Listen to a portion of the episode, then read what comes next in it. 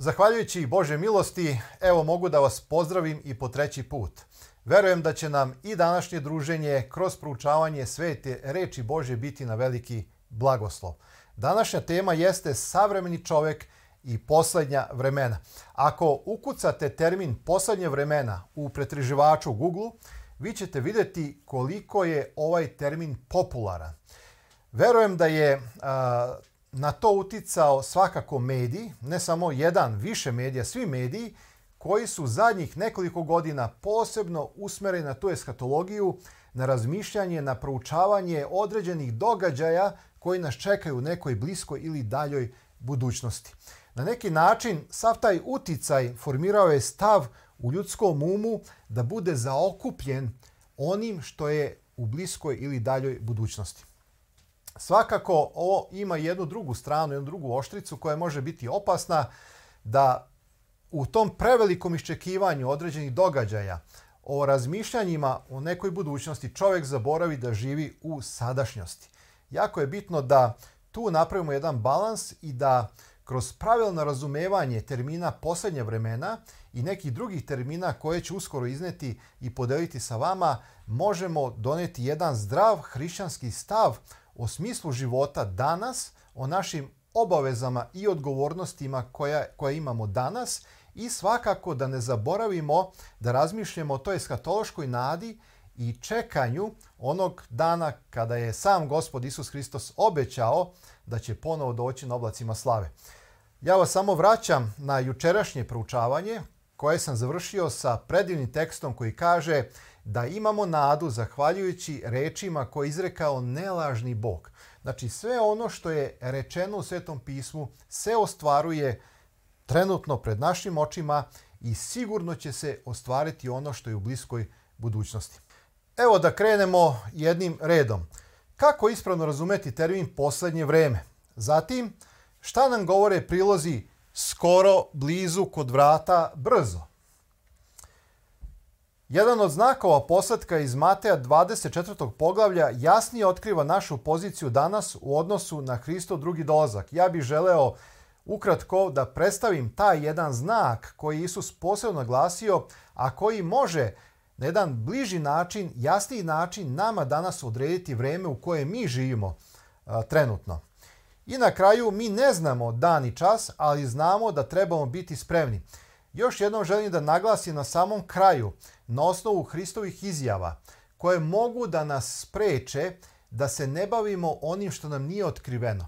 Jer ako se bavimo onim što sam Gospod Isus nije otkrio, mi definitivno odlazimo u neke špekulacije koje se često završavaju porazom i razočarenjima. Zato je jako bitno da se upoznamo sa sadržajem učenja Svetog pisma kako bismo mogli zauzeti zdravu, jednu jasniju, stabilniju poziciju u odnosu na razmišljanje o poslednjim vremenima, ali isto tako o našim obavezama i odgovornostima koje imamo danas u našoj sadašnjosti prema sebi, prema našim bližnjima.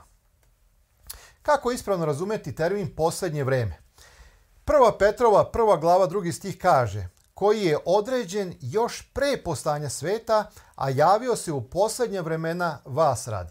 Jasno je da ovde Petar na osnovu starozavetne pozadine govori i podsjeća one kojima je pisao i koji su ga slušali da je plan spasenja sačinjen, napravljen pre nego što je išta stvoreno. Sama reč Božja kaže Isus je pre svega sve u njemu. Isus je bio večna reč. Kroz tu reč je sve postalo što je postalo i bez nje nije ništa postalo što je postalo. Znači, pre nego što je Bog kroz Hrista odlučio da stvara sve ono što je vidljivo i nevidljivo, način je plan spasenja. I sada zapazite, a ostvarenje plana spasenja u dolasku Isusa Hrista se dešava u poslednje vremena. Znači, samo na osnovu ovoga teksta, kada bismo imali samo ovaj tekst, mi možemo zaključiti da početak poslednjih vremena je vezan ili se vezuju za dolazak Isusa Hrista prvi put u telu na ovaj svet. Ali evo još nekoliko tekstova da samo učvrstimo ovu istinu. Prva Jovanova, druga glava, 18. stih. Kaže Jovan, deco, poslednje je vreme i kao što čuste da će doći Antihrist, i sada mnogi Antihristi postaše. Po tome poznajemo da je poslednji čas. Znači vidite i Jovan a, e, prihvata ovu istinu, razumeva je tako na osnovu starozavetne pozadine da je u vreme dolaska Isusa Hrista otpočelo poslednje vreme. Kada smo već u ovome tekstu, samo da kažem ko su antihristi na osnovu Biblije. Postao jedan problem ili jedna doktrina ili učenje koje je negirala Isusov dolazak u telo.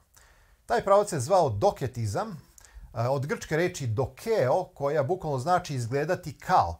Znači, to je jedan doktrinalni pravac kojeg su zastupali neki eh, rani hrišćani i učili, širili tu jeres da Isus Hristos nije došao u stvarnom telu i da nije imao stvarnu krv. Iako apostol Pavle naglašava u Jevrejima poslanice drugom poglavlju, jer Isus uze telo i krv da bi smrću svojom, znači doslovnom pravom smrću, satro onoga koje, koje ima državu smrti, to je đavola, kako bi izbavio od straha smrti i tako dalje. Znači, antihristi su oni koji negiraju bukvalni stvarni dolazak drugim rečima utelovljenje. Još jedan pravac je bio takozvani adopcionizam. Njega su zastupali hrišćani jevrejskog porekla koji su tvrdili da se Isus nije utelovio, znači nije došao na ovaj svet kao posljedica uh, delovanja duha svetoga na Mariju, nego je bio stvarni čovjek, da je njegov Josip bio pravi otac, a ne da je začet duhom svetim, a da je načinjen Mesijom tek u trenutku krštenja na reci Jordanu, kada ga je otac darovao posebnim, posebnim moćima. Znači i adopcionizam i e, gnosticizam kojeg nisam spomenuo sad zbog vremena i doketizam su nekako udarali na istine koje su vezane za ispunjenje plana spasenja onako kako je to Isus učinio i zato apostol Jovan te doktrine ili te ljude naziva antihristima. I evo recimo druga Timotiju 3.1 kaže ali ovo znaj da će u poslednje dane nastati vremena teška. Samo ovde obratite pažnju. poslednje dane, poslednja vremena. Ovde je reč o danima koji preciznije ili tačnije određuju neku dalju budućnost od početne tačke njihovog vremena, a gde mi možemo prepoznati naše vreme. I ovo znaju da će u poslednje dane nastati vremena teška. Zašto će biti vremena teška?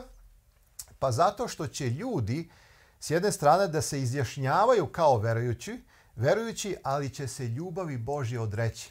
Odreći će se tog praktičnog hrišćanstva.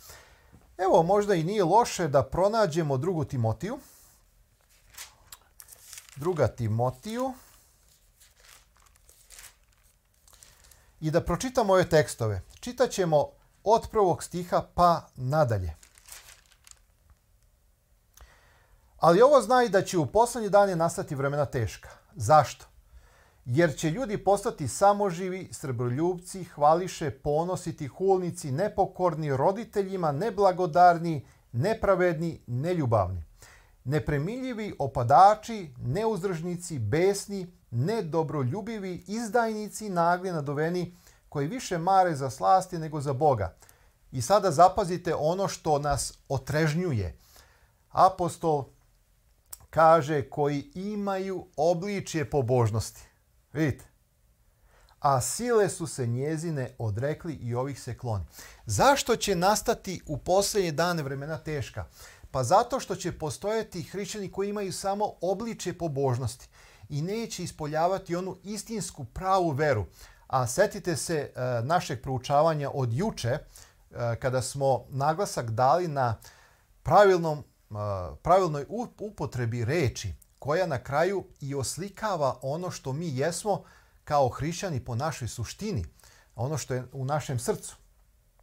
I onda kaže ovde tekst a, koji imaju obliče, znači koji imaju neki spojašnji oblik pobožnosti, ali dela njihova otkrivaju da oni nemaju nikakve veze sa delovanjem Duha Svetoga sa a, ispoljavanjem te božanske agape ljubavi koja bi trebala da izlazi svakog hrišćajna. Samo jedna mala digresija. Znači ovde se ne radi o karakteristikama ljudi koji su ateisti, koji nemaju nikakve veze sa Bogom. Nažalost, ovde se radi o hrišćanima, o verujućim ljudima a, koji se izjašnjavaju da idu za, za Hristom, ali jednostavno nema nikakve sadržine, nema onoga kvaliteta. E sada, Hajde malo da razmišljamo o terminima koji nas često bune i koji možda čine da nekada dođemo u neko razočarenje kada kažemo ili posmatramo tekstove koje izgovorio Isus Hristos, a prošlo je već 2000 godina i on se još uvijek nije pojavio na oblacima slave. Otkrivenje 12.22 kaže evo ću doći skor. Ovo su reči nelažnog Boga koje nas često bune samo zato što ne razumemo ove termine. Kaže, evo ću doći skoro. Šta to znači skoro? I plata moja sa mnom da dam svakome po delima njegovim. Zatim Jojlo 2.1. Trubite u trubu sa Sionu i vičite na svetoj gori mojoj. Neka drhću svi stanovnici zemajski jer ide dan gospodnji, jer je blizu. Pazite, Jojlo prorok pisao je nekoliko stotina godina pre Hristovog, drugog, pre Hristovog prvog dolaska. A on kaže, jer je dan gospodnji blizu, aludirajući na Hristov drugi dolazak. Zatim Matej 24.33 kaže, tako i vi kada vidite sve ovo, znajte da je blizu kod vrata. I kad je upitaju Evanđelje po Mateju 24. poglave, tu ćemo se kasnije malo više zadržati. Ali šta to znači kod vrata? Znači, mi kada kažemo da je neki gost kod vrata, znači da je njegov ulazak u naš dom, u naš stan, blizu, on je tu kod vrata. Potrebno je samo da pređe prag i evo ga u našem domu. Zatim Sofonija, prva glava, 14. stih. Blizu je veliki dan gospodnji, blizu je i ide vrlo brzo. Glas će biti dana gospodnje, gorko će tada vikati junak. Evo nekoliko termina koji nas na neki način, pretpostavljam, zbunjuju. Mene su lično zbunjivali i zato su me naveli da malo sednem, da odvojim malo više vremena i da ih istražim i proučim i da pokušam da shvatim šta oni bukvalno znače. Pošto nas vreme ograničava, pokušat ću ukratko samo da napravim određene paralele koje će nam pomoći da razumemo ove termine. Sveta Božja reč nam dolazi sa istoka. Ona je nastala u kulturi koja je diametralno suprotna našoj današnjoj zapadnoj kulturi. Kada je u pitanju shvatanje vremena, ljudi zapada i ovog e, okvira gde mi živimo, uvek smo posmatrali vreme kao nešto što treba meriti. Ako zakažemo sastanak, uvek smo gledali na sat, da ne zakasnimo, uvek gledamo na kalendare, na datume, da sve bude e, u nekom opsegu istinitosti u smislu da ispunimo tačno onako kako smo planirali. Kada je u pitanju shvatanje vremena na istoku, ono se razume u tom kvantitativnom, o, izvinjam se, u kvalitativnom odnosu, dok zapad to razumeva u kvantitan, nešto što treba meriti, nešto što treba brojati. I zato a, ljudi na istoku nisu opterećeni vremenskim ispunjenjem tačnošću određenog događaja. I postoji mnoštvo primjera. Jedan od najpoznatijih primjera u Bibliji je priča o ženiku koji je odocnio i o svadbi. I dan danas e, u nekim delovima tih e, zemalja na istoku Izraela i u nekim drugim delovima e, kada se organizuju svadbe, kultura nam kaže da dođu sve zvanice, dođu gosti, tu je čak i mlada, a mladoženje nema. Nekad se dešava da, da mladoženja ne dođe ni poslije jednog dana, nekada kasni dva dana, ali niko na toj svadbi nije opterećen time što mladoženja ne dolazi na vreme. Nego šta više, oni time što mladoženja kasni smatraju da je mladoženja neka velika ličnost, da je veoma važna ličnost. I zato iz perspektive Biblije, pošto mi kažemo da Isus Hristos ženi koji dolazi po svoju crkvu, svoj narod, a sada na osnovu ovih tekstova vidimo da je ženik, naš gospod, odocnio već dosta vremena, smatramo i kažemo da je Isus Hristos najvažnija ličnost u istoriji uh, hrišćanstva, uopšte u istoriji ovoga sveta. Evo, to je samo jedan mali pokušaj u kratkim crtama da shvatimo da termini skoro, blizu, kod vrata i brzo ne označavaju nešto što treba meriti, nego oni označavaju sigurnost ostvarenja reči Božih. U ovom kontekstu oni označavaju da će se Hristov drugi dolazak zaista desiti. Kada? Mi ne znamo. Ali na osnovu ovih termina Isusov dolazak će se sigurno ostvariti. Naglasak je na spremnosti, a o tome ću uskoro nešto više e, reći. Jedan od znakova posvetka iz Mateja 24 24. poglavlja jasnije otkriva našu poziciju danas u odnosu na Hristov drugi dolazak. Hajde da pročitamo ove reči. 29. stih kaže i dalje I odmah će po nevolji dana tih sunce pomrčati i mesec svoju svetlost izgubiti i zvezde s neba pasti i sile nebeske pokrenuće se. I tada, zapazite, znači nakon ovih događaja koji su opisani u 29. stihu, 30. stih kaže i tada će se pokazati znak sina čovečijega na nebu. Drugim rečima, tada će čovečanstvo koje je živo u tom trenutku e, ugledati sina Božjega koji se vraća u sili i slavi velikoj. I tada će proplakati sva plemena na zemlji i ugledaće sina čovečeg da ide na oblacima nebeskim sa silom i slavom velikom. Znači, reč je o Hristovom drugom dolasku. Ono što prethodi i na čega Isus posebno usmerio pažnju čitalaca jeste da će se desiti određene promene na suncu, mesecu i na zvezdama i da će se sile nebeske pokrenuti. Zapazite ovaj deo rečenice sile nebeske zato što ću ga na kraju posebno naglasiti o događajima koji spominje Isus u Mateju, 24. poglavlju, govore i drugi proroci. Dragi moji, obratite pažnju koliko je proroka i apostola takođe spomenulo događaj o kojem Isus govorio.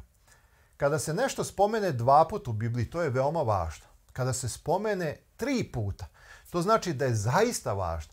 Ali kada se spominje više od šest puta, To znači da je Bog želeo da posebno obratimo pažnju na ove događaje koji će najaviti njegov drugi povratak u slavi. Ne da merimo vreme, ne da postavljamo datume, ne da stvaramo neke okvire i da kažemo do 2030. do 2000 ne znam koje će Isus doći, to ne smemo raditi jer nas Biblija ne uči i ne daje nam slobodu da tako nešto radimo, nego više naglašava našu spremnost da budemo spremni kada se to desi. Hajde da krenemo redom. Ovde samo još jedan da spomener, znači prorok Isaija, prorok Jezekilj, prorok Joilo, apostol Petar u delima apostoli, apostolski i svakako u otkrivenju se spominje ovaj događaj ili ovi događaji na nebeskim telima pre nego što se Isus vrati. Hajde da čitamo redom. Isaija 13. poglavlje kaže Evo ide dan gospodnji, ljuti sa gnjevom i jarošću da obrati zemlju u pustoš, u pustoš i grešnike da istrebi iz nje. Jasno je, dragi moji, samo na, na osnovu ovoga teksta da je reč o Hristovom drugom dolasku u slavi. Jer zvezde nebeske i prilike nebeske neće pustiti svetlo svoju. Sunce će pomrčati o rađanju svom i mesec neće pustiti svetlo svoju. I pohodit ću vaseljenu za zloću i bezbožnike za bezakonje i ukinuću razmetanje oholih i ponos silnih oboriću. Učiniću da će čovjek više vredeti nego zlato čisto, više nego zlato ofirsko. Hristov drugi dolazak i spasenje vernih učinit će i pokazat će kolika je vrednost jednog čoveka. Da li vi znate da odgovorite na pitanje ako bih vas neko pitao koliko vredi jedan čovjek? Svakako na osnovu reči Božje. Svaki čovek vredi onoliko koliko vredi život Sina Božjega. Jer Sin Božji je dao svoj život radi našeg života. To je otkupnina, to je transfer koji se desio u planu spasenja. Jezekij 32.7 i 8. Zapazite, iste ideje, iste misli. I kada te ugasim, zastreću nebo i zvezda na njemu pomračati – sunce ću zakloniti oblakom i mesec neće svetlati svetlošću svojom.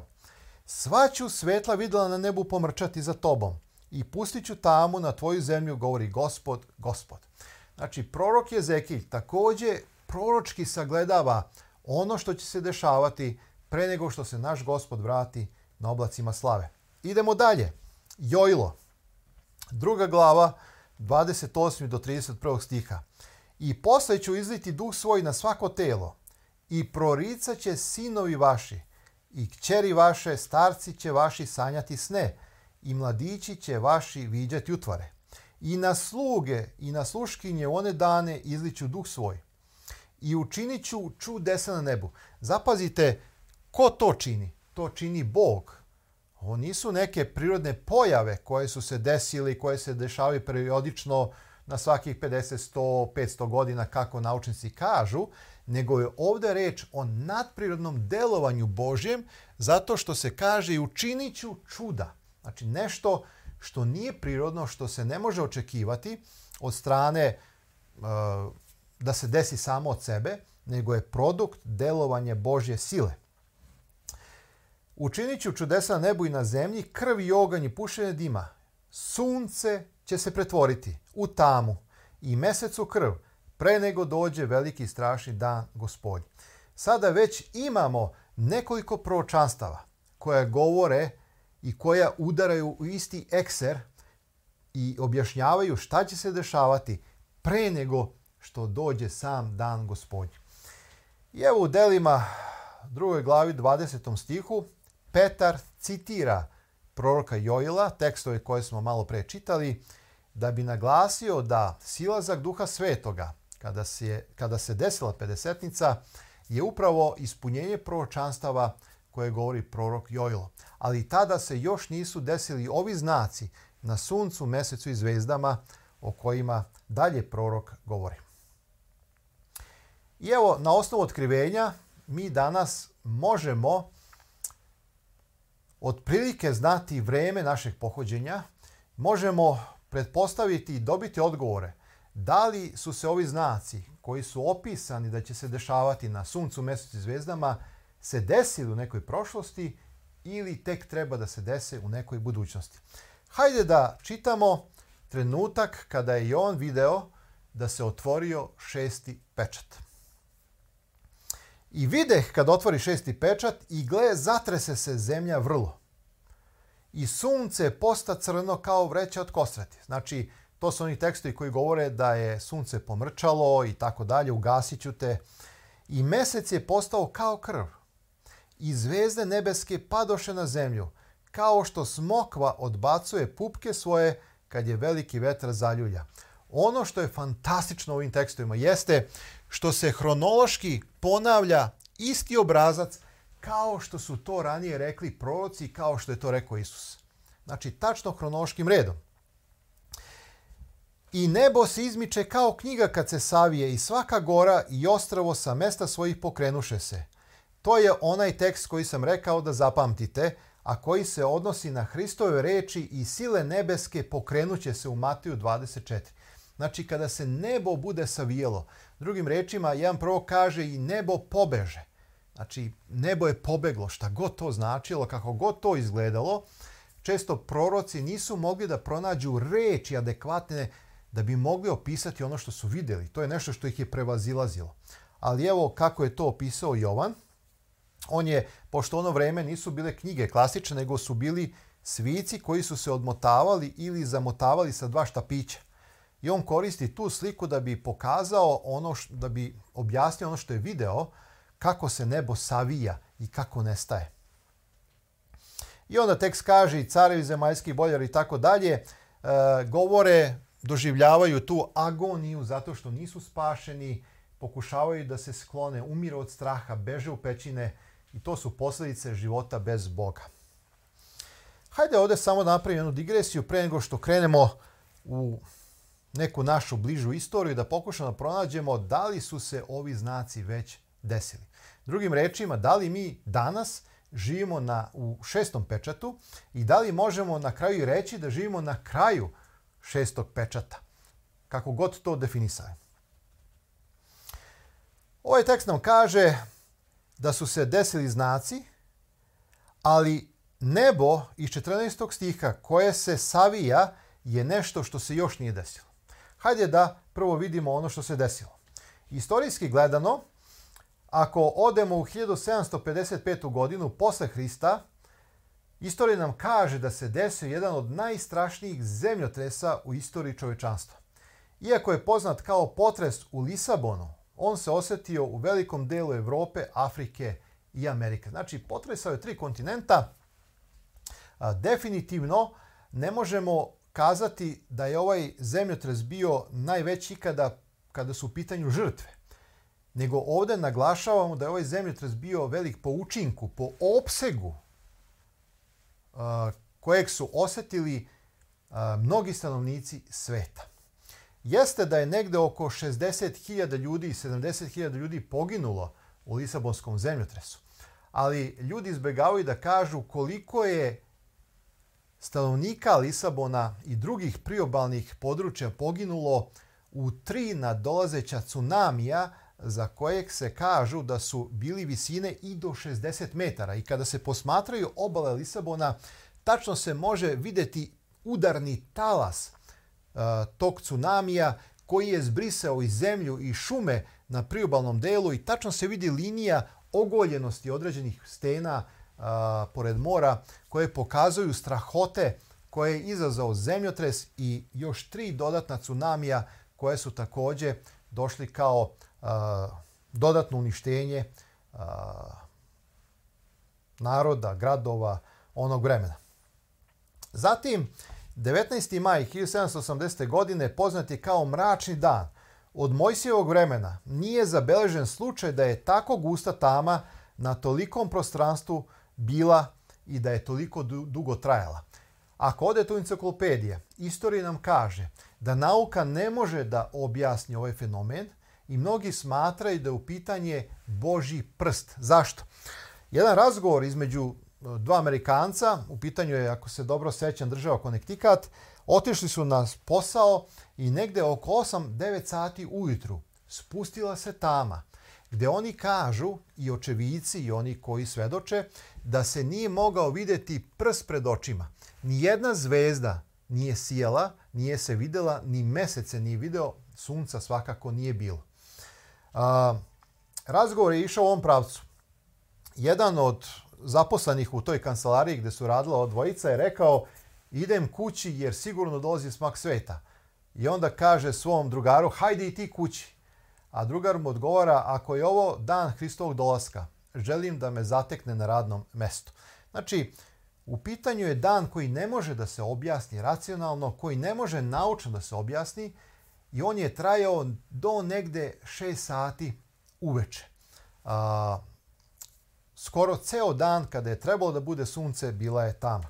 I evo još jedan fenomen koji se desio 1833. godine, dve godine otkako je Miller počeo da objavljuje dokaze o skorom Hristovom dolasku, pojavio se poslednji znak koji Isus prorekao kao znak svog drugog dolaska. Ovo proročanstvo se ispunilo na upadljiv i neobičan način padanjem meteora 13. novembra 1833. godine. To je bio veličanstven prizor padanja zvezda, kakav istorija nikada ranije nije zabeležila. Inače, kada čitate tekstove iz vremena tog događaja ljudi su u 12 noću, u ponoć hrlili u crkve. Jedan autor je želeo da kaže kako su se crkvena vrata istavila iz štoka od količine ljudi koji su hrlili ne bili našli spasenje. Ljudi su verovali posmatrajući taj prizor da dolazi sudnji dan. Bili su uplašeni. Jedan istoričar kaže da oni koji su pokušavali da čitaju novine bez problema su mogli čitati pod vedrim nebom jer nebo je toliko bilo obasjano meteorima koja je bila kao kiša ili pljusak. Znači, na osnovu istorije i kada se vratimo uh, u šesti pečat, otvaranje šestog pečata, mi možemo nekako kazati, znači verovati da je ovaj deo šestog pečata sada već istorija. Jer na osnovu ovih istorijskih podataka možemo prihvatiti i verovati da su se ovi događaji desili. Ne kažem da je nemoguće da se to ponovi u nekoj bliskoj budućnosti pred sam Hristo dolazak, ali ovo je nešto što istorija potvrdila. Ono što se nije desilo, što je ispred nas, jeste 14. stih i nebo se izmiče kao knjiga kad se savi. Kad se to desi, To je znak, dragi moji, da milosti više nema. Da se Duh Sveti povukao i da dolazi vreme Hristovog povratka u slavi, da donese platu svakome po delima njegovim. Mi ne znamo dan i čas. To je jasno Isus izrekao. Isus nije otkrio vreme ni čas zato što to nije bila očeva volja. Iako sam Isus zna, pošto je bio Bog u telu, kada će to biti, jer on je rekao i tada će biti posadak. I tada će biti posadak. Ali Bog u svojoj mudrosti, i hvala Bogu što je tako, nije otkrio grešnom smrtnom čoveku vreme svog pohođenja. Nije ostavio datum, nije ostavio godinu. Tako da svaka nagađanja oko datuma godine Hristov povratka vode u jedan pogrešan smer, čine da su ljudi razočarani, čine da ljudi na neki način okrenu svoje lice od Boga i da kažu ma nema od toga ništa. Ali hajde, evo, i to je na neki način poziv za kraj, da se držimo čvrsto reči Božje. Da kada razmišljamo o poslednjim vremenima, razmišljamo u pravcu te eshatološke nade, blažene nade, iščekivanja naše gospode Isusa Hrista, koji će sigurno doći Jer znaci u Matiju 24. poglavlju nisu nam dati da računamo vreme, nego su nam ostavljeni da se ohrabrimo, jer kad vidimo da se oni ispunjavaju pred našim očima, da znamo da će se Isus Hristos sigurno vratiti. Zato i prilozi, kao što smo spomenuli, blizu, kod vrata, brzo i skoro, označavaju sigurnost Hristovog povratka, a ne vremensku odrednicu. Ono što mi treba da činimo jeste da verujemo Hristovim rečima. Jer ako se sećate poslednje rečenice u jučerašnjem proučavanju, eh, rečenica je naglasila da mi imamo nelažnog Boga. Boga koji nikad nije slagao i svaki put je ispunio svoju datu reč. Ako verujemo i znamo da je Isus došao prvi put, to je još veći, jedan veći razlog da verujemo da će Isus doći na oblacima slave i drugi put. Otkrivenje 22 kaže, evo ću doći skoro, vidite, skoro. I plata moja sa mnom da dam svakome po delima njegovim. Ja sam alfa i omega, početak i svršetak, prvi i posljednji. Dragi moji, alfa i omega nikada ne laže. On uvek govori istinu. Isus kaže, ja sam put, istina i život. Blago onome koji tvori zapovesti njegove, da im bude vlast na drvo života i da uđu na vrata u grad. Poziv kojeg nam upućuje reč Boža jeste da danas budem spreman. Da danas tvorim zapovesti Bože. Da danas budem u službi, e, u službi svome bližnjem. Da danas prosavljam svoga gospoda svojim rečima, sećate se jučerašnje emisije, e, i proučavanja i svojim životom. To je osnova hrišćanstva.